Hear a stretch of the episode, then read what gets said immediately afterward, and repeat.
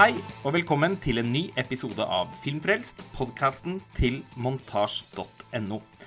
Mitt navn er Lars Ole Kristiansen, og jeg sitter her med redaktør for Montasj og forfatter Roskva Koritsinski, og Cato Fossum og Chloé Faulkner fra Filmklubbforbundet. Velkommen! Tusen takk. Takket være koronapandemien så måtte den fysiske utgaven av Tromsø internasjonale filmfestival avlyses i siste liten, så denne uken har vi deltatt via nettleserne våre på digital festival. Og det vil si at mange av filmene som skulle blitt vist i Tromsø, de har vært tilgjengelige på festivalens hjemmesider. Og tre av spillefilmene som har hatt premiere, de er norske, og det er altså de vi skal fokusere på i denne episoden. Og det er i Tonje Søymer Guttormsens Gritt, Yngvild Sve Flikkes Ninja Baby og Guro Brusgaards Han. Jeg tenker at vi starter med Gritt. Der vi møter eh, performance- og bevegelseskunstneren eh, Gritt, da, som tidligere het Gry Jeanette, eh, og som er spilt av Birgitte Larsen. Etter eh, flere år i utlandet og ulike faser, eh, tilhørighet i diverse eksperimentelle teatergrupper osv., så, videre, så returnerer Gritt til Oslo, der eh, hun jobber med å realisere et ambisiøst kunstprosjekt kalt Den hvite betennelsen. Men når søknaden om støtte til prosjektet får avslag av Kulturrådet, og Gritt samtidig blir nødt til å flytte ut av leiligheten hun har lånt av tanten sin, så blir hun desperat og søker seg til grusomhetens teater, der nye muligheter oppstår idet teatergruppen skal ut på turné, og Gritt blir ansvarlig for å passe på lokalene i mellomtiden. Gritt det er da en fortsettelse på og en utvidelse av fiksjonsuniverset som ble etablert i, i Tonje Søyme Guttormsens kortfilm 'Retrett', som jeg har sett mer enn ti ganger, og nærmest har dyrket siden den hadde premiere under kortfilmfestivalen i Grimstad i, i 2016. Så det var altså med vanvittig store forventninger da, at jeg benket meg ned for å se Gritt. Roskva, hvor skal vi begynne? Ja, hvor skal vi begynne etter denne fantastiske introen?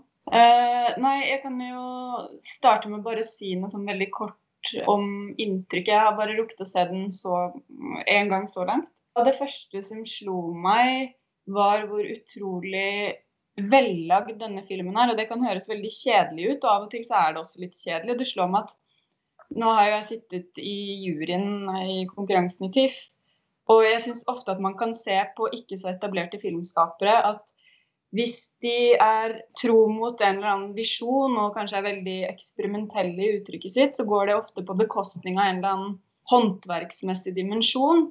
Mens hvis det håndverksmessige eh, har blitt dyrka fram, så syns jeg ofte at det kan være noe litt sånn sjelløst over filmene. Og det jeg syns er veldig gøy med 'Gritt', da, er at det er jo en spillefilmdebut. Men den klarer på en sånn utrolig imponerende måte, syns jeg, da, å kombinere noe sånn veldig uforutsigbart og eksperimentelt med noe som føles solid og organisk og nødvendig. Så, så jeg syns dette var en veldig god film. Altså, jeg syns det er veldig fint at du løfter fram på en måte det såkalte håndverket, som jo naturligvis er en veldig viktig del av det kunstneriske uttrykket i, en, i enhver film. Fordi eh, når en film er så på en måte så blendende original eh, og annerledes som det Gritt er, så eh, kan man komme i skade for å se forbi hvor imponerende liksom, filmspråket er. Altså, filmen er laget på lavt budsjett, men ser vanvittig bra ut. Den er veldig uttrykksfullt fotografert. Den har et innmari spennende kameraarbeid som spiller vanvittig bra sammen med klippingen, som i Tonje Søyme Guttormsen har stått for selv, i samarbeid med Geir Ørnholt og Misha Lesjolivskij, denne svenske mesterklipperen.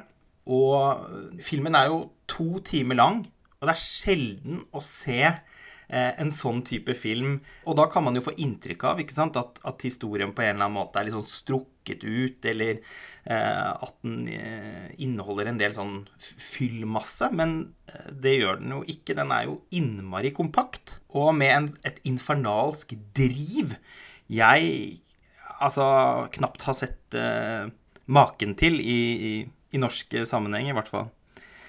Chloé, hva tenker du?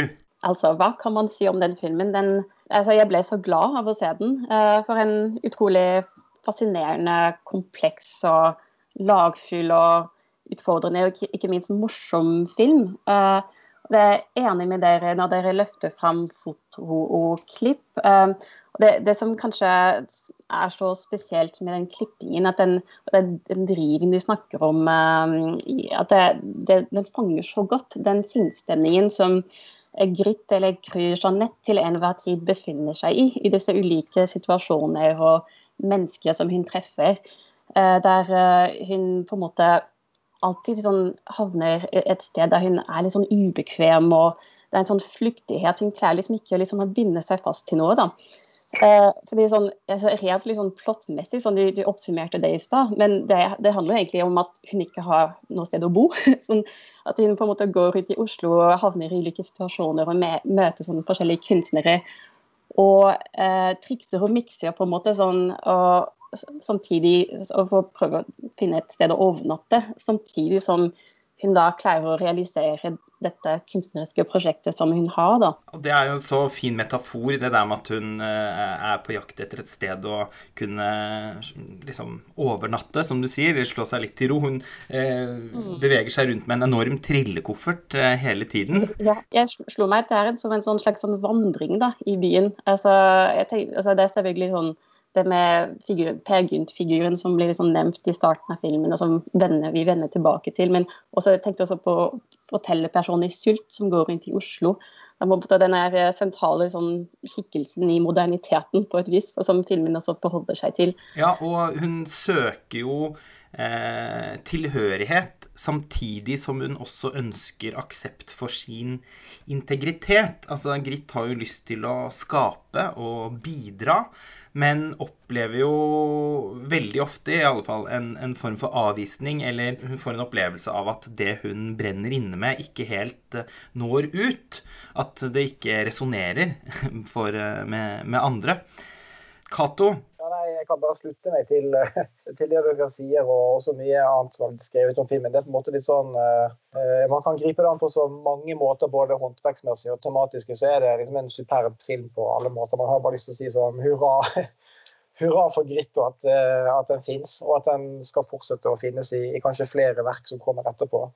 Um, ja, den, den, klippen, Du har vel skrevet om det sjøl i en tekst du skrev, Lars Ole, men det er åpenbart at liksom, det har vært veldig mye materiale her og laget over mange år. og Da er det ofte vanskelig å få det integrert både liksom visuelt at alt stemmer sammen, men også at uh, det blir en liksom organisk flyt i historien. At det, det ikke burde fikk konstruert og sammensatt. Da. Men det er det ikke. her. Det er liksom en, en fantastisk jobb som har blitt gjort med å samle dette materialet til en, uh, til en sånn fortelling. Så, som er på liksom så mange plan. Det er et portrett av henne, et portrett av Oslo og over et miljø. og det som jeg synes var liksom aller mest fascinerende med filmen, er på en måte at det er så originalt som kunstnerportrett. Altså Den sjangeren, liksom portretteringen av kunstneren på film, er så mye brukt og havner på en måte ofte i så veldig sånne problematiske feller med geniforklaring eller at uh, alltid en, liksom, en sånn psykologisk forklaring på det. Men det som jeg syns var så kult med portrettet av Grit, er liksom at uh, at det framstiller eh,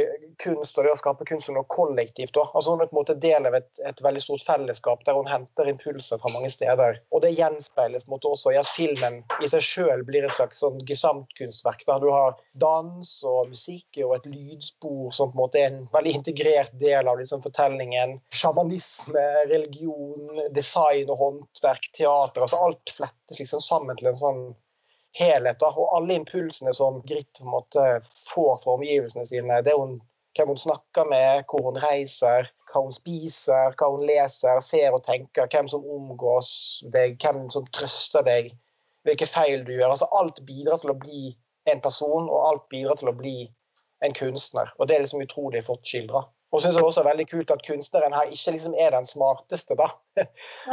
at refleksjonen hennes er liksom så stotrende og ugjennomtrengelige.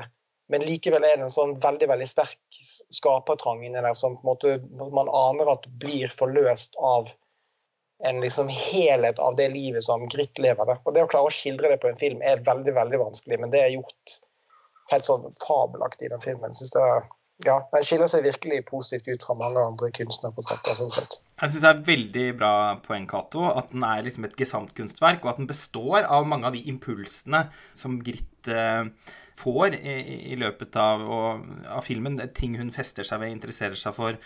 Og det er jo også et samspill her mellom Birgitte Larsens vanvittig imponerende rolletolkning og omgivelsene hele tiden. Altså, hun tar omgivelsene veldig inn over seg, men de ser også tilbake på henne. Det merker man jo også i skildringen av Oslo. Jeg har vel aldri sett Oslo framstå så truende som i Gritt. Eh, jo, i og for seg da i kortfilmen 'Retrett', eh, som den er en videreføring av.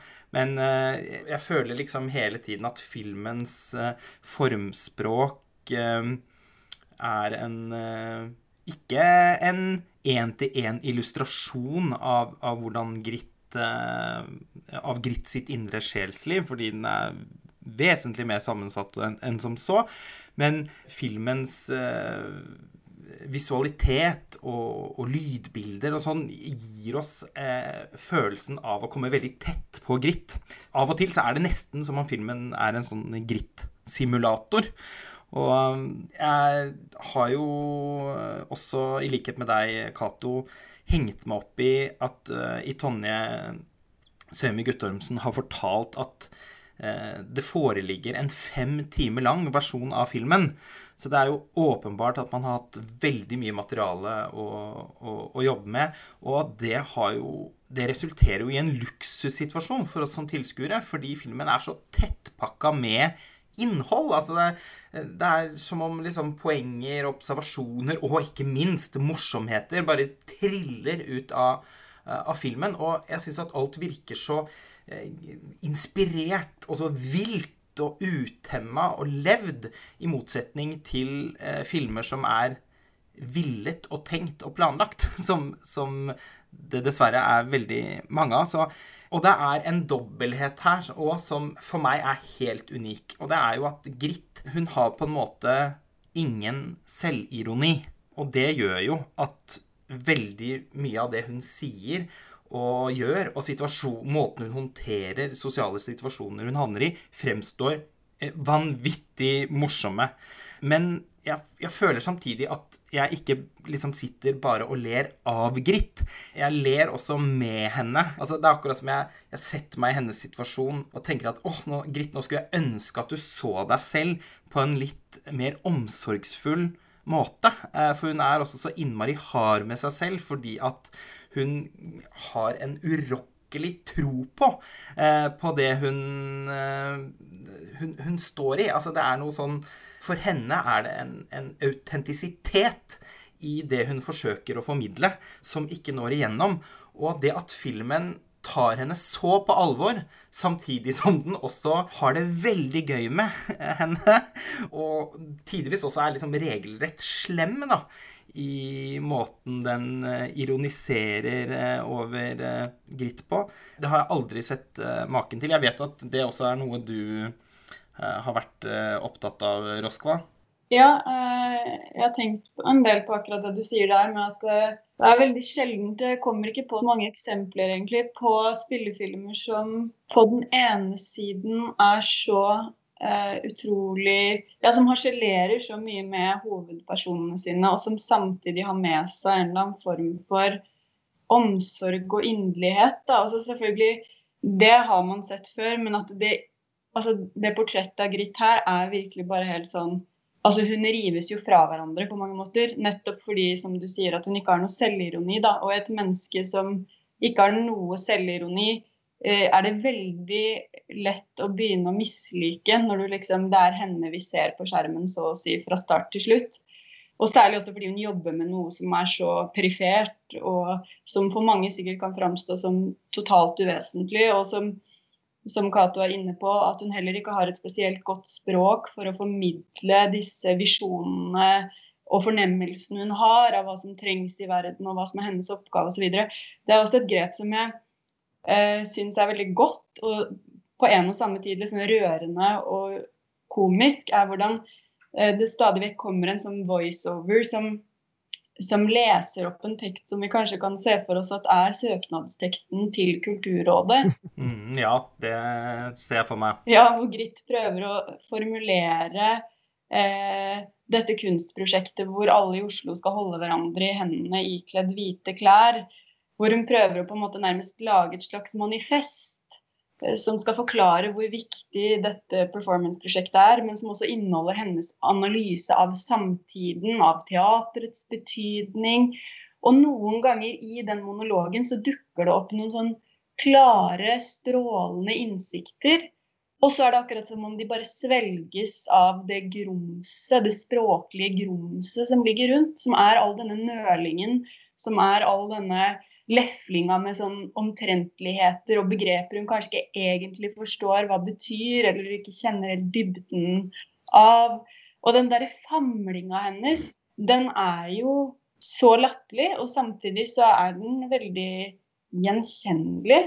Og det blir også et bilde på hvordan kanskje særlig i liksom det byråkratiske, gjennomsyra byråkratiske samfunnet som Norge er, hvordan det å skape noe som kanskje i en del andre samfunn og til andre tider ikke har hatt spesielt mye med det å være liksom intellektuell å gjøre. Sånn, det har forandret seg opp gjennom historien. Forfatteren var på et tidspunkt en mann som satt og kunne alt om historie, alt om filosofi, som kunne sitte og skrive idéromaner og opplyse leseren samtidig som han fortalte en engasjerende fortelling. Men så finnes det også kunstnermyten hvor kunstneren liksom er en som bare sanser, og som er i kontakt med noe språkløst, og som er en formidler av noe som er bortenfor språk og begrepene. Og Grit er på en måte fanga et eller annet sånt sted mellom de idealene. Da. Hun har de her veldig sterke følelsene av at det er noe viktig å formidle om det å leve og finnes. Og samtidig så har hun dette her byråkratiet som henger over henne, hvor hun må sende inn disse søknadene, hvor hun må sette ord på hva denne følelsen er. Det holder ikke bare å kjenne den og kjenne inderligheten, det må også pakkes inn i et språk, for penger, hun trenger penger til prosjektene sine. Og så ønsker hun kanskje også å være mer intellektuell enn hun er. Fram til et visst tidspunkt i filmen, i hvert fall. Ja, og dette, altså de strukturene som eh, hun, hun er så opptatt av at eh, er eh, problematiske, de er jo også en del av Altså språket rommer jo også de strukturene som hun så, så, Og hun kjemper jo hele tiden imot språket. Det er jo flere anledninger hvor hun sier sånn Å, hva er det det heter igjen? For hun klarer ikke å Hun husker at det fantes et ord for dette som, som, som er det riktige å si. Og så, fordi hun henger seg opp i da å si det som er riktig, så kaster hun på en måte bort en mulighet til å kanskje bare si det sånn som det fremstår for henne. Ja, eller bare si at hun ikke vet. Det virker også som hun er veldig redd for å ikke vite. Og at det kanskje, uten at man trenger å spoile for mye, at det kanskje er noe der som hun på et tidspunkt klarer å omfavne. Det der med at hun trenger ikke å vite. Man trenger ikke å ha fullstendig oversikt og ha en doktorgradavhandling klar for hvorfor man lager noe eller gjør noe. Og at hun, det handler også om den kampen, da. Om å liksom godta at man er et menneske blant milliarder av andre mennesker. At vi er mennesker og ikke guder. At vi, er, at vi har den der mellomposisjonen hvor vi er natur og kultur samtidig. Og det er veldig fort å bli gritt, merker jeg når jeg snakker. ja, men, ja, men det er jo så sant at man er nødt til å henvise til andre ting eh, og ha referansene på plass. Og det å alltid også ha en klar mening om noe, eh, et standpunkt, det er jo noe som kan få alle og enhver til, eh, til å bli litt gærne noen ganger. Og det er også en, en scene som på, sitt, på, sin måte også kommenterer det, er eh, Altså, Gritt er jo da såkalt undercover støttekontakt for eh, scenekunstneren Marte Goksør, som har Downs syndrom. Og det er en scene hvor de ser på Burning 2 sammen. hvor Gritte eh, blir, blir, veldig opprørt over at eh, Marte Goksøyer, som ellers da er så politisk, som Gritt, eh, så politisk bevisst, som Gritt sier, ikke er så interessert i å høre eh, på, på Gritts eh, betraktninger rundt filmens kjønnsframstillinger, fordi hun forsøker bare å nyte filmen! Og Gritt, eh, sånn som vi blir kjent med henne i filmen, har på en måte eh, aldri et øyeblikk som bærer preg av en sånn type ro. Nei hun har eh, denne, dette alvoret til enhver tid, en sånn intensitet uh, som, som, gjorde at jeg egentlig fra starten på en måte ikke turte sånn Jeg visste egentlig ikke helt når det var lov å le. Sånn, det var egentlig sånn I de første, den første halvtime så var det egentlig veldig mye sånn morsom dialog, men som jeg bare oppfattet i etterkant som morsom. fordi det var noe med, med altså holdeprestasjonen, liksom den, det, det mangelen på selvironi som de beskriver der, som gjorde at jeg, jeg turte ikke liksom å, å være med på det. men det det var først da uh, Marte Goksøyr uh, sa 'kom igjen, nå kan ikke jeg bare slappe av og se den filmen'. At sånn, skjønner, ja, det, det, er jo, det, er jo, lov å le òg. ja, altså jeg kan ikke huske sist jeg har ledd så mye under en film. Det var nesten så jeg måtte ringe ambulanse. Og eh, for, blir, for, meg blir det ikke morsommere enn en dette her, altså. Det er mange former for humor i filmen. Nå har vi ikke tid til å fordype oss eh, i det, men uh, for eksempel så er det ganske mye sånn språklig humor. Altså bruk av ord og begreper og sånn som i sammenhengen blir ustyrtelig morsomme. Jeg vet, Roskva, at både du og jeg har hengt oss opp i replikken det var litt av et kjøpesenter som var blitt reist. Ja, da, da hadde jeg et sånt lite skrik i stua. og, og, og, for mange så vil ikke det nødvendigvis være, sånn åpenbart uh, hylende morsomt, men et kjøpesenter som var blitt reist Eh, det er en annen eh, scene mellom eh, Birgitte Larsen og Andrine Sæther, hvor overforbruket av uttrykket 'fantastisk' i kulturkretser får seg en omgang. Dialogen går vel omtrent som det her. Andrine Sæther sier ja, hvis det går sånn som jeg vil nå, så, så står det en steinerskole i Senegal neste år. Og så svarer Birgitte Larsen ja, ja, da, da står den der. Ja, ikke sant? Og det, det, er jo helt fantastisk. Ja, det er helt fantastisk. Og det er også helt fantastisk med deg og den, det der grusomhetens teater. Det kan jo av og til kanskje høres ut eh, for folk som ikke har sett Simen ennå, at, liksom, at, filmen er en liksom, eh, sånn harselas. da, Og den er jo det også. Eh, ja, for den er jo det òg. Med, med kulturlivet og liksom byråkratiet rundt. da, Men det, det, er veldig flott at filmen er så tvetydig der. At liksom alle de tingene som dere har pekt på nå med, med måten Gritt uh, forsøker å uttrykke seg på, på språklig, og, og, hvordan miljøet rundt henne framstilles, at det både er et litt sånn lite stikk til, eh, til, hvordan det etablerte kulturlivet fungerer, og hvilke sånne eh, mekanismer som oppstår for hvem man skal holde seg inne med, og, og hvilke liksom sånne strategiske handlinger det, det vekker hos, hos, kunstnere. Eh, men den er også liksom Ja, den, den, er ikke bare Den er langt fra bare fordømmende. Den er veldig sånn Eh, medfølende og, og innsiktsfull om, om, om, at dette er liksom en del av prosessen. Da. Det er liksom noen sånne barrierer du må gjennom, kanskje, og noen styltete formuleringer og noen uh, strategiske bommerter uh, og, og nederlag du må gjennom for å klare å skape noe. Da. Det er jo ofte en del av det. Så det er på en måte det, er veldig innsiktsfullt og fascinerende i måten den fremstiller på. Det er også veldig stor overføringsverdi tror jeg, også utenfor folk som er på kunst- eller kulturfeltet. At det har mange situasjoner i filmen som, mm. som alle som har en, en, en slektning som, ja, som, mangler sjølironi, eller som er litt mm. manisk opphengt i ting, kan, kan, kjenne seg igjen i. det.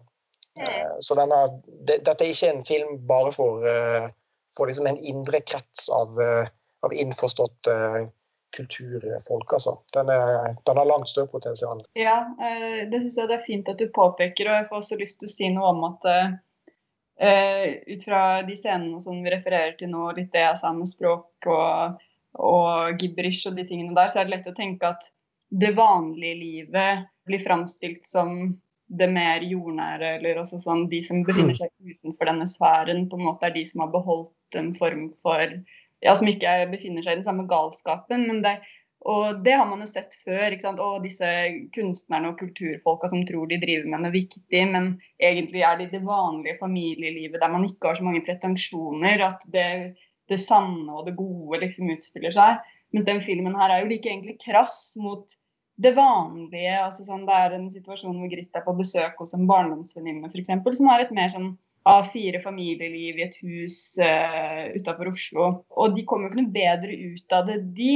Og løsningen for Gritt blir jo heller ikke å, å på en måte begå en sånn reise tilbake til fellesskapet og, og konformiteten og tvert imot. Da. Og, og det syns jeg også er uh, forfriskende med filmen. Og der Gritt hele tiden er liksom litt fanget i disse begrepene og ideene om hva som er rett og galt, hva som er nødvendig, hva som er skadelig, så syns jeg filmen er det motsatte. Da. Den er helt, som du Cato sier, den er helt åpen eh, og lite dømmende. Mm. Eh, den, den, virker heller genuint ikke spesielt opptatt av å undersøke spørsmålet hva burde Gritt gjøre? Og, og det syns jeg er forfriskende, for veldig ofte i, i film så, så, er det et underliggende spørsmål eller en drivkraft i historiene fortelles, som fortelles hva er det, hvordan burde det sett ut? Dette er sånn det ser ut, men hvordan burde det sett ut? Mens her så virker det spørsmålet nesten fraværende, og det gjør også filmen mye mer uforutsigbar. Og da ikke bare fortellingen, men formspråket. altså sånn det er noe helt, et helt annet landskap den opererer i. da. Ja, og det, det preger også filmens avslutning. Eh, og Nå skal vi jo ikke spoile noe her, men eh, jeg vil jo si at eh, filmen ender i en slags fordypning for, for Grit, snarere enn at det blir sånn at hun liksom lærer en lekse om livet, eller endrer kurs, eller personlighet. For sånn er det jo ikke. Og selv om uh, det er trekk ved Gritt som på en måte er, er satt på spissen for, uh, for uh, å, å, skape humor og sånn, så, så, opplever jeg henne som nesten sånn brutalt virkelig. Hun fins, og jeg ser henne. Og jeg kan kjenne meg igjen i henne. Og jeg kan, kan bli forferdelig irritert på henne og, og synes at hun oppfører seg patetisk og Eh, og jeg kan le henne, men jeg, jeg får òg veldig sånn det, Altså, snakk om, å, om å, skape en rollefigur som har et liv, som man i løpet av filmens spilletid faktisk virkelig får følelsen av å ta del i. Det syns jeg er helt uh, Jeg er så imponert over denne filmen her at uh, jeg, ja, jeg blir helt målløs, egentlig. Jeg syns det er Jeg syns virkelig det er snakk om et veldig betydelig verk i, i norsk eh, filmhistorie. Og det, jeg håper inderlig at folk gir denne filmen en sjanse og går og ser den på kino. Den skal da ha premiere rundt påske, og da får vi håpe at kinoene kan være åpne igjen. Vi må bevege oss eh, videre eh, til Ingvild Sve Flikkes Ninja Baby, som er løst basert på Inga Sæteres Brageprisvinnende tegneserieroman, Fallteknikk, eh, og som eh, anvender hennes illustrasjoner på en leken måte. Det er, jo, det er jo rett og slett elementer av animasjonsfilm inni her. Cato, hvordan vil du presentere denne filmen?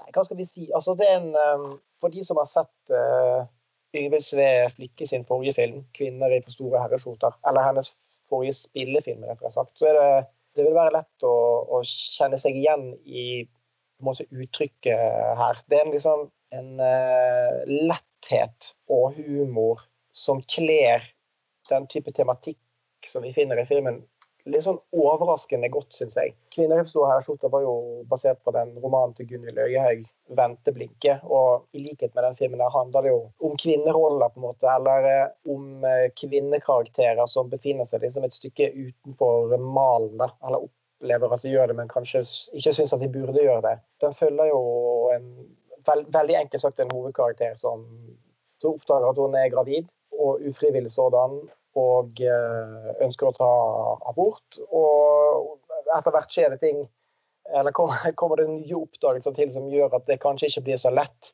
Eh, og hun må liksom bare finne ut av dette, både hvem som er faren, og hva man skal gjøre, og ta stilling til en del ting som hun eh, mildt sagt ikke eh, føler seg klar for. da. Hun lever jo en mye mer liksom friere tilværelse og eh, bor i kollektiv, har ikke så mye inntekt. Er vant til mest egentlig å forholde seg til seg sjøl.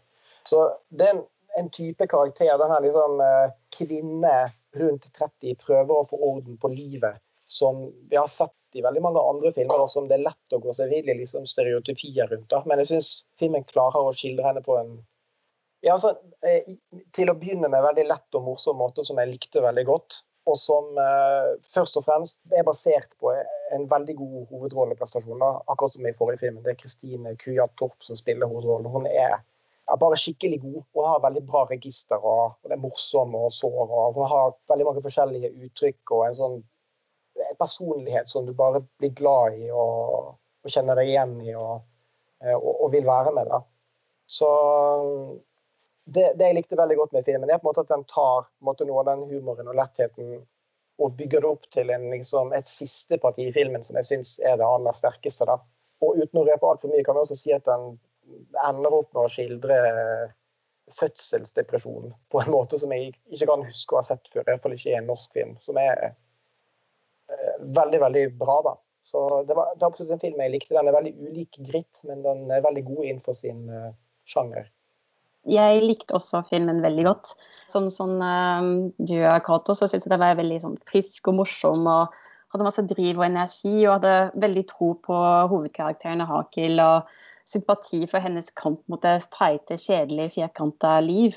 Og når du sier sånn, inn, altså Den er veldig god innenfor sin sjanger. Det er jo interessant fordi um, altså, sjangeren, på en måte den komediesjangeren, Altså, vi hadde et filmseminar uh, i Oslo i høst der vi diskuterte spørsmålet om hvorvidt den romantiske komedien er død. og liksom, Man kan på en måte se litt på Ninja Baby som en slags romantisk komedie. Der det er jo på en måte to mennesker som møtes, og så er det noen forviklinger, og så går det bra til slutt. Og så er det en graviditet uh, inn i bildet. Og da, da på det, på det, seminaret så spurte vi da går det an å lage noe såpass sånn streit og konvensjonelt som det. Der de sånn to mennesker fra forskjellig bakgrunn uh, blir sammen til slutt, og kjærlighet kan overgå ulikhet, rasisme, økonomisk knapphet. Har ikke vi på en måte vokst ut fra det uh, som samfunn?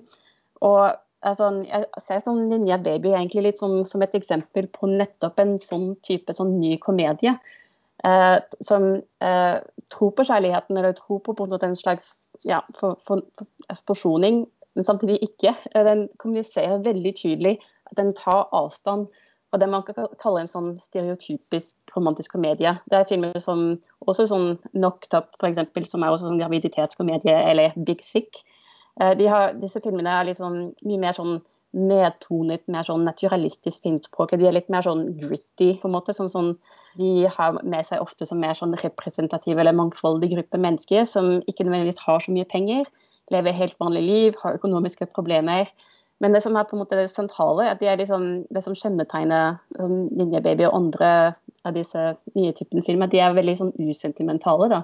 De kjennetegner ofte et sånn samleie skjer veldig tidlig og er nokså uromantisk, eh, som vi ser i Ninja Baby når hun har sex med karakteren Pikk-Jesus, som han heter. Eh, språket er veldig sånn direkte og usminket, eh, og det får vi ved flere anledninger når jeg snakker om bæsj og sæd og blod osv. Men så det er sånn en film som vil tro på noe, samtidig som vil veldig gjerne som vise at den tør å se verden i øynene. Da. Og det er selvfølgelig som er det mest forfriskende med det, at det er sånn, den veldig usentimental, men heller ikke karikatural skildring av graviditet og morskap. da. Fordi selvfølgelig som Det sentrale spenningsmomentet er jo hva er det som skal skje med det barnet? Skal hun adoptere det bort? Skal hun beholde det? Så det er jo en komedie, så vi har jo en forventning at det skal gå bra til slutt. Eller vi har kanskje vært vel en sånn forventning om det. Men det er veldig tydelig etter hvert at hovedpersonen er presentert for et dilemma som ikke lar seg løse på noe enkelt vis. da. Eh, det finnes ikke noe sånn riktig svar på, på dette her. da. Um, jeg synes sånn, uh, Uten å altså, røpe slutten, så, sånn jeg tolker på en måte som lykkelig med noe bitterskjøtt så er det noe veldig sånn ukonvensjonelt og modig uh, ved at filmen ikke er litt sånn ambivalent. Den tør å lande et sted da, og gi noe sånn denne personen har tatt et valg og står for det, da. Jeg syns det er morsomt at du nevner den romantiske komedien eh, som sjanger, eh, Chloé. Det var veldig gøy å høre på de betraktningene du kom med der. Fordi jeg opplevde nok òg filmen veldig som en romantisk komedie. Og eh, på et tidspunkt der så blir det nå nesten en farse. Eh, like før eh, siste akt eh, setter i gang, så oppstår det en situasjon som minnet meg litt om den nakenparty i Tony Erdman. Eller den, den, siste delen av Mistress America, hvor den ene personen etter den andre entrer rommet og kompliserer situasjonen. Og i det øyeblikket så ble det liksom òg veldig tydelig for meg at filmen, selv om den har noen veldig sånn fiffige eh, grep og tross alt likevel er ganske konvensjonell, eller altså at den henvender seg eh, til et bredt publikum. Eh, Roskva, eh, hvilke følelser eh, og tanker sitter du igjen med? Nei, jeg syns jo at eh, Chloé eh, kom med veldig mange gode og interessante betraktninger her. Og egentlig enig i det både Cato og Chloé har sagt. Jeg har ikke så mye å tilføre. Jeg syns også at jeg synes den var overraskende morsom. Eh, det tenker jeg at skyldes både manus, men også, som har blitt nevnt, en veldig god hovedrolleinnehaver. Hvis jeg skal legge til noe som ikke har blitt sagt, da, jeg også enig at den er ja, jeg synes den er vellykka. Liksom. Eh, en, en, god film som, for unge mennesker, kanskje, primært. Eh, og så spiller den jo på en sånn ny arketyp, kan man nesten si som er den derre Du nevner jo nå Mistress America. Jeg tenkte jo litt på eh, Greta Gervig da jeg så den. Mm. Du har den der jenta som på en måte kløner og snubler seg litt gjennom livet, og som kanskje har noen kunstneriske ambisjoner, men, men samtidig Ja, eh, dette er heller ikke et klassisk kunstnerportrett, hvis man skal kalle det det, kanskje dra det langt. Men hun ønsker jo også å bli tegneserieskaper og har et tegnetalent. Men er heller ikke noe sånn intellektuell høyborg eller liksom sånn uh, Hun er et vanlig menneske av kjøtt og blod, da, hvis man skal trekke en sammenligning mellom Gritt og denne filmen. Har jo mye mer selvironi enn det Gritt har, åpenbart.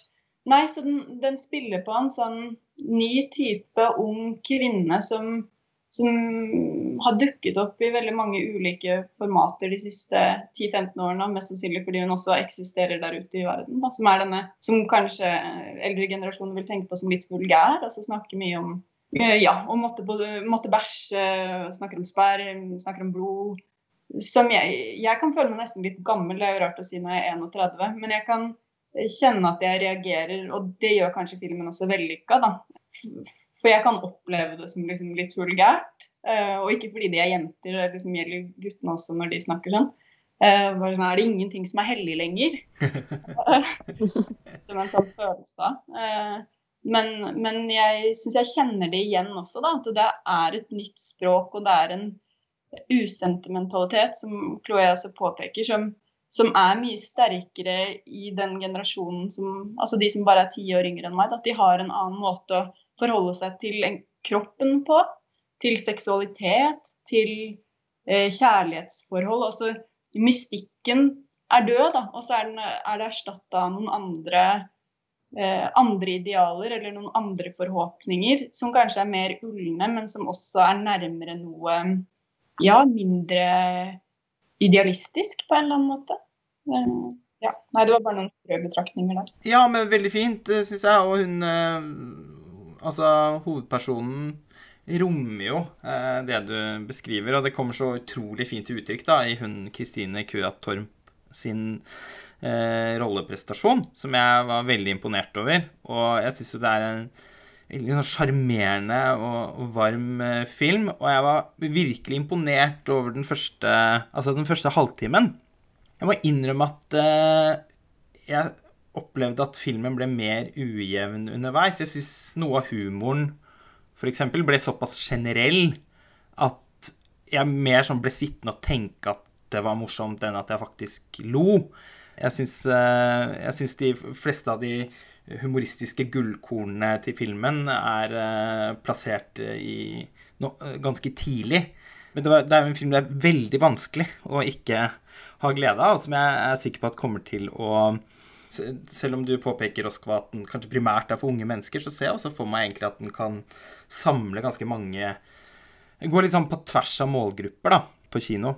Ja, en annen ting som jeg bare vil skyte inn eh, eh, som et ledd i denne forsøken på, lete, forsøket på å lete etter tendenser. Det er kanskje dumt, men, men, det er også noe jeg har tenkt en del over de siste årene, og som har vært en debatt jeg vet i hvert fall i de litterære kretser dette her med eh, moren altså sånn, Selvfølgelig det er tema, et tema som har kommet opp med jevne mellomrom gjennom hele den moderne historien. Men, men, men denne filmen også synes jeg er et godt eksempel på det. Hvordan barnet da, er en veldig sentral skikkelse i filmen, men først og fremst som et fantasifoster hos hovedpersonen.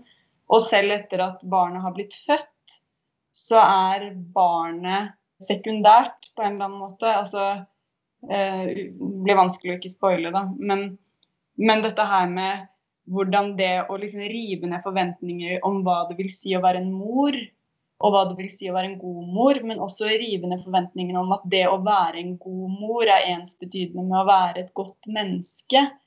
Eh, jeg bare følger litt med på For jeg syns det skjer ting i skjønnlitteraturen der også, hvor det er et sånt forsøk på å på den ene siden renvaske alle formene for mødre. altså si sånn, Man kan være mor på mange måter. Prøve å rive ned idealbildet av moren som den trygge havnen, den forutsigbare, eh, den stabile, den som ikke eh, Altså hjemmet, ikke sant.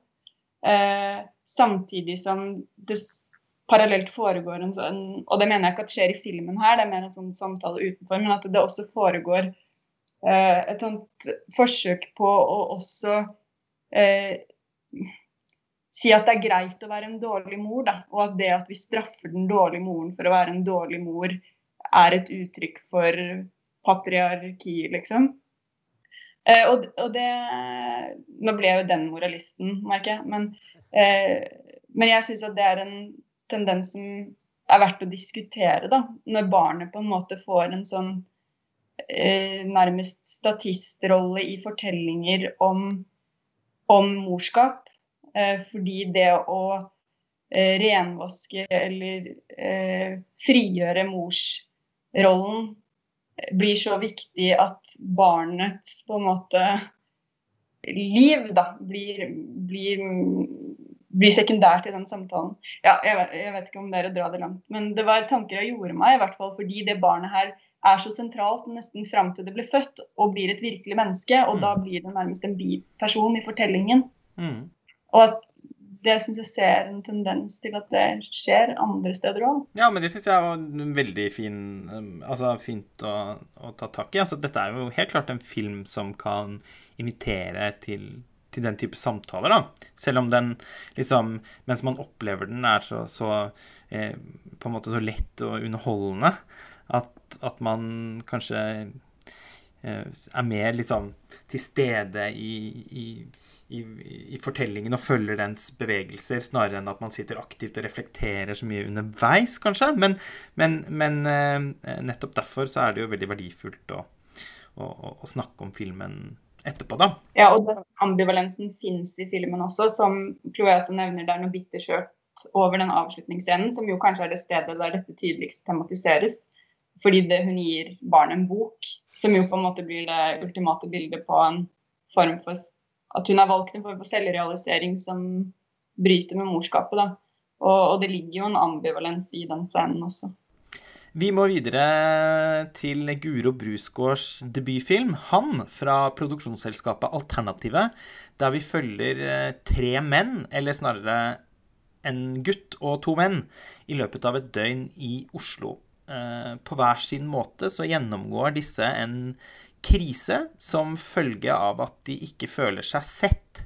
Eh, elleve år gamle Harald, heter han vel, eh, viser en bekymringsverdig aggresjon og har problemer med å tilpasse seg spillereglene på skolen der han går, og har i tillegg en komplisert familiesituasjon hjemme med, med skilte foreldre og en, og en fraværende farsfigur. Og så har vi 35-åringen Eirik, spilt av Emil Johnsen, som, eh, som er oppegående, men, eh, men, som har kommet litt skeivt ut, og som føler seg undervurdert og ydmyka av Nav og menneskene rundt han. Og så har vi Petter, spilt av Johannes Joner, som da er en 60 år gammel regissør som lenge har arbeidet med en eh, film om Fridtjof Nansen, og som blir fullstendig satt ut av spill når Filminstituttet avslår søknaden hans til fordel for et annet prosjekt pga. kjønnskvotering. Chloé, hva tenker du om uh, denne filmen? Uh, ja, jeg har veldig lyst til å like filmen. Uh, og jeg syns at den gjør veldig mye interessant.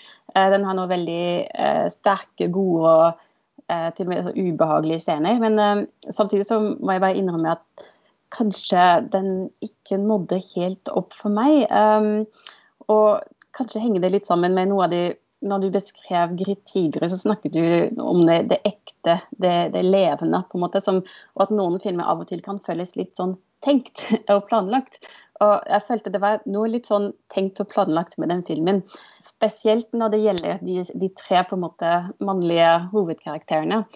Eh, fordi når jeg, på en måte, jeg, jeg så den filmen i dag morges, og når jeg tenker tilbake på den, og liksom hvilke inntrykk er det jeg sitter med, hva slags sånn eh, hva det jeg minnes. Det, jeg tenker egentlig kanskje først og fremst på Det er jo denne lærerskikkelsen. altså en lærer som blir uh, kjeftet på av en forelder, og som begynner å gråte. En sånn kvinnelig lærer. Da. Og så tenker jeg på Leila Godis karakter, som spiller da denne litt sånn aggressive moren, og som har liksom veldig sånn giftig sånn emosjonelt liksom, liksom håndtering av hennes barn.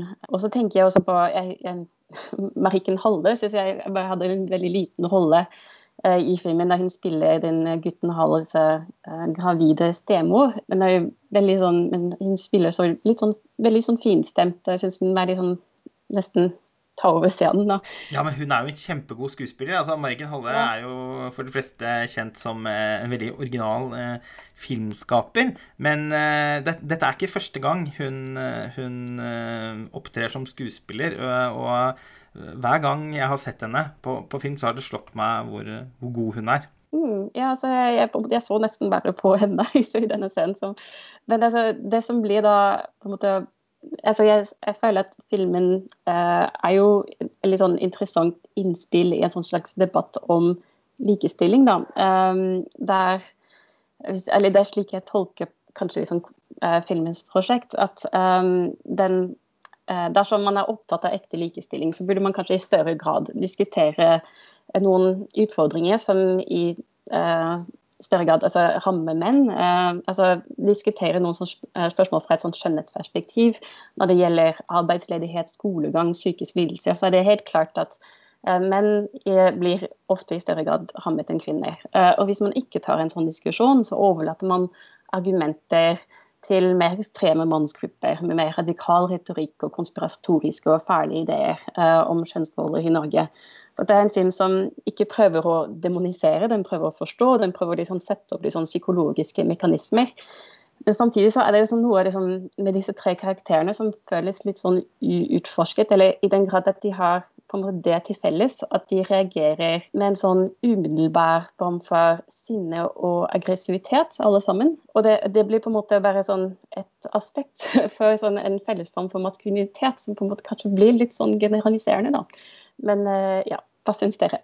Nei, jeg syns eh, du oppsummerer det veldig, veldig godt her også. Eh, jeg har egentlig ikke så mye å tilføye.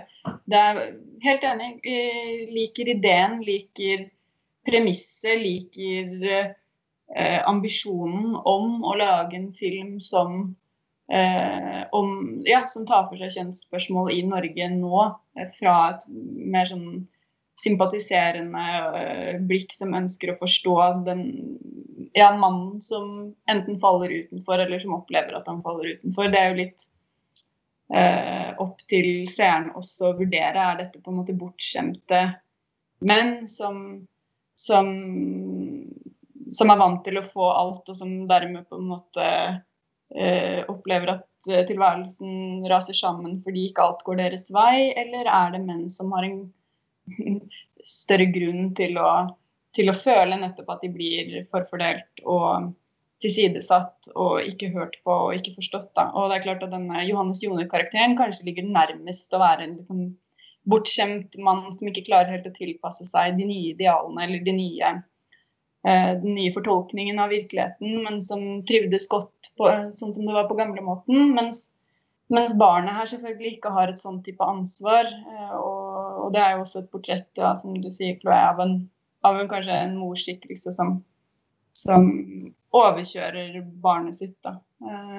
Og som ikke lytter til han, og som ikke prøver å møte han der han er. Eh, men som istedenfor velter sin egen lidelse over på han, og så må han utagere andre steder. Så, så nei, jeg syns premisset og tanken er god, men jeg syns også det er eh, Ja, jeg opplever også at filmen ikke er så veldig vellykket. da, og at um, Jeg vet ikke om det stemmer, men, men jeg får også en følelse i flere av scenene av at noen steder virker det veldig skrevet, mens andre steder virker det improvisert. Men paradoksalt nok så er resultatet ofte det samme.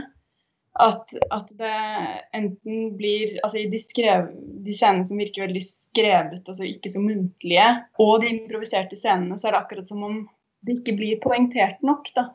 At man kanskje har prøvd å improvisere rundt noen temaer for at det skal framstå som naturlig, men i stedet så framstår det litt retningsløst og ukonsentrert.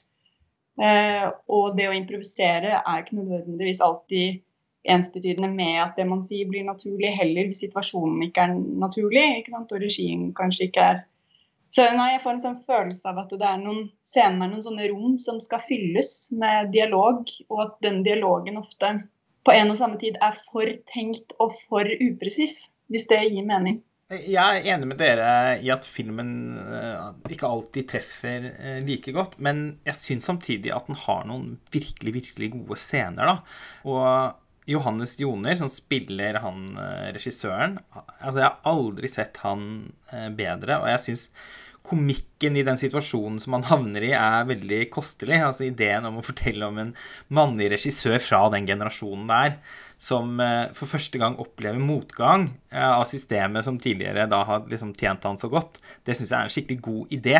Og eh, jeg syns hele det liksom fyllekalaset med han og hans omgangsvenner og de diskusjonene som blir igangsatt der, er Altså, jeg, jeg syns det var veldig morsomt, og, og, og jeg syns at det var en, en, en, en sannhet der, da. Jeg, jeg, er enig i at filmen liksom i sitt vesen, ikke sant, fordi at det er litt sånn en idéfilm, så, så, er det jo litt sånn tydelig plantet på en måte at i denne scenen så skal man ta opp dette. Nå skal vi diskutere den problematikken. Men jeg, men jeg syns faktisk at det fungerte veldig bra i store deler av filmen. Eh, den eh, scenen der Laila Goody, som da spiller moren til denne elleve år gamle Harald, har et møte med hans klasseforstander, den syns jeg var altså den synes jeg var virkelig, virkelig god. Den er jo basert på en tendens som alle som kjenner noen som jobber på skole, vet om, nemlig at uh, foreldre av i dag har en gjerne har en så stor tiltro til, til sine egne barn eh, og, og, deres eh, fortellinger eh, og framstillinger at en lærers autoritet på en måte bare fordamper fullstendig, og hvor man da gjerne bruker uttrykket 'opplever'. Altså eh, Harald opplever at du snakker til ham på en krenkende måte, og så kan ikke læreren si noe tilbake, fordi hvis Harald opplever det sånn, ja, så er det sånn, på en måte. Jeg er enig i det du sier. Samtidig så framstår jo scenen ikke først og fremst som en scene om en forelder som har umåtelig tiltro til barnets fortelling. Jeg syns det framstår som en scene hvor moren bruker barnet sitt for å selv unngå kritikk. Ja, ja, ja. ja, du, altså, det... Fordi når de kommer hjem, så det er jo ikke det at hun har fullstendig, fullstendig, tillit Han får jo høre det når de kommer hjem, men det er det at hun, På ingen måte. hun vet godt at hvis hun tar den tonen, så har ikke læreren noe hun skulle ha sagt. Mens hennes agenda eh, er jo snarere å beskytte seg selv ved å skyve sønnen foran seg da, og skape en egentlig mye mer ubehagelig situasjon også for sønnen enn det den hadde trengt å være i utgangspunktet. Ja, for hun jobber jo med barn, eh, og, eh, og havner jo i en situasjon der hvor hun også liksom Hvor eh, ingen skal komme og fortelle henne hvordan mm. man skal forholde seg til, altså, til barn. Det er hennes eh, fagområde. Så, mm. og misforstå meg rett, altså de, den, I den spesifikke situasjonen i filmen så er det jo ikke sånn at, at hun eh, har, har, tiltro til eh, sønnens eh, versjon av hva som har skjedd. Tvert imot viser det seg jo bak kulissene hjemme på kjøkkenet. Men, eh, men det er eh, Men jeg, jeg, vet at det er en, en tendens. ja, det er det samme språket som brukes. Ja, det det og, og man merker jo at hun bare retorisk da, forholder seg til det på en sånn måte i møte med klasseforstanderen. Eh, og, men jeg synes eh, den eh, historien om han Eirik, den eh, syns jeg er litt mindre utvikla og, og, derfor uh, uforløst. Uh, jeg, og jeg ble ikke helt solgt av hvordan liksom, flettverkstrukturen kommer sammen. Og kanskje egentlig mest av den historien om han Eh, han eh, Eirik, og hvordan den eh, griper inn i de, i de to andre, den, den, den, følte jeg mest ble et sånt lim for å skape en flettverksfortelling. Jeg vet ikke helt, Hva tenker du, Cato? Ja, altså den, jeg har sittet og hørt på hva dere sier. Jeg er egentlig ikke så veldig uenig i, i noe av det. Jeg tror av de tre filmene vi har snakket om her, så syns jeg kanskje egentlig at han nesten litt sånn paradoksalt nok er den filmen som er mest krevende å se.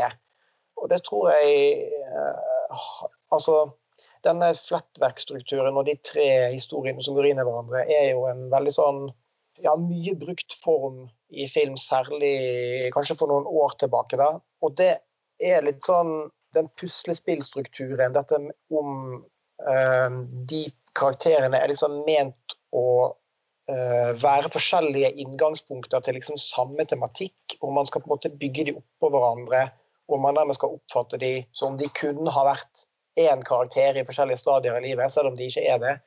Uh, eller om man skal liksom tilnærme det seg de som hver sin historie, som på en måte kommer med hver sin hver, hver sin tematikk. Da. Det er liksom opp til, til publikum å avgjøre at det, eh, hvordan denne filmen vil bli, mottatt, tror jeg handler veldig mye om hva eh, publikum vil legge inn i de forskjellige delene, og hvordan de henger sammen. Altså Om det er en helhet, eller om det er deler. Og Jeg syns liksom, det er noe av filmen sin styrke. da, at Jeg, jeg merket at uh, Jeg så filmen uh, hjemme sammen med samboeren min, og vi ble sittende og snakke om den ganske lenge etterpå, i mange av de forskjellige scenene. og Jeg vekslet på en måte mellom å tenke at sånn ja, denne delen av filmen den er mest interessant, eller denne delen er mest interessant. Jeg klarte liksom ikke å bli helt enig med meg sjøl om det. da, Og det oppfatter jeg som en, en, styrke. At liksom Jeg tror du brukte ordet 'igangsatt', Lars Ole. Mm. Uh, og det, og det syns jeg er liksom et nøkkelord her. At selv om kanskje ikke alt er forfulgt i dybden her, uh, på den måten som hvert enkelt tema fortjener, så setter den på en måte i gang veldig mange diskusjoner og samler liksom forskjellige aspekter ved det å være en mann eller gutt på en måte som jeg syns er veldig fortjenstfullt, og som jeg, være, som jeg tror kan være veldig inspirerende for folk å, å snakke om etterpå. Da. At det her tror jeg er en film som vil anspore eh, veldig mange diskusjoner, kanskje også hos liksom, publikummere som ikke nødvendigvis har eh, lest seg opp på incel-problematikk, altså om liksom, er isolerte menn som føler seg liksom, ekskludert fra seksualmarkedet, eller heller om liksom, eh, hva det er som framkaller aggressivitet hos menn, eller om norsk filmpolitikk og, og, og kjønnsbalanse, for den saks skyld. Altså, det er veldig mye det er veldig mange ansatser her, men jeg, jeg oppfattet det på en måte som en uh, styrke. da. Jeg, det er mange scener som, som sitter veldig i kroppen på meg. Uh, F.eks. den scenen der eh, Eirik eh, treffer noen jenter på byen og, føler seg på en måte avvist av de, eh, drar for å ta T-banen, ser noen andre jenter som, som utfordrer han. Og liksom sier ja, hva er det du glor på, eller er det noe du syns er interessant, eller Og som ender opp, i en sekvens som blir plutselig veldig veldig mye mer alvorlig og skremmende enn det i hvert fall jeg forutså. da. Eh, der han ender opp med å følge etter den ene jenta. Eh, og det bygges opp en sånn utrolig sterk spenning. Som, det, det, er mange sånne øyeblikk i denne filmen som, som til tross for at, at helheten eh, kanskje bli litt uforløst, har veldig, veldig mange styrker. Da. Så, så, for meg var det det, det jeg satt igjen med. Og så er jeg veldig enig med det Chloé sier, at, at i tillegg til de hovedpersonene, så er eh, altså Laila Goody sine roller også Marte Solumsdottir, som spiller eh, læreren i, i de scenene, er, er, kjempegode, liksom. De er veldig, veldig, veldig Eh, sterke prestasjoner i, i mange rollene. Det er liksom personer du, du, som det av og til gjør veldig vondt å se på, rett og slett. Ja, jeg, jeg syns det er eh, godt oppsummert, Cato. Og jeg satte også pris på, på, på filmen og, og, og, merker at uh, jeg gleder meg til å egentlig liksom snakke mer om den etter hvert som flere jeg kjenner får sett den. Og jeg ser fram til å følge Guro Brusgaard videre. Vi er nødt til å runde av. Tusen takk for at uh, dere var med på denne episoden om de norske filmene under TIFF. Dere returnerer veldig snart til nye uh, spesialepisoder fra den digitale Tromsøfestivalen. Uh, inntil videre så må dere ha det riktig så fint. Tusen takk. Ha det bra. Ha det. Ha det.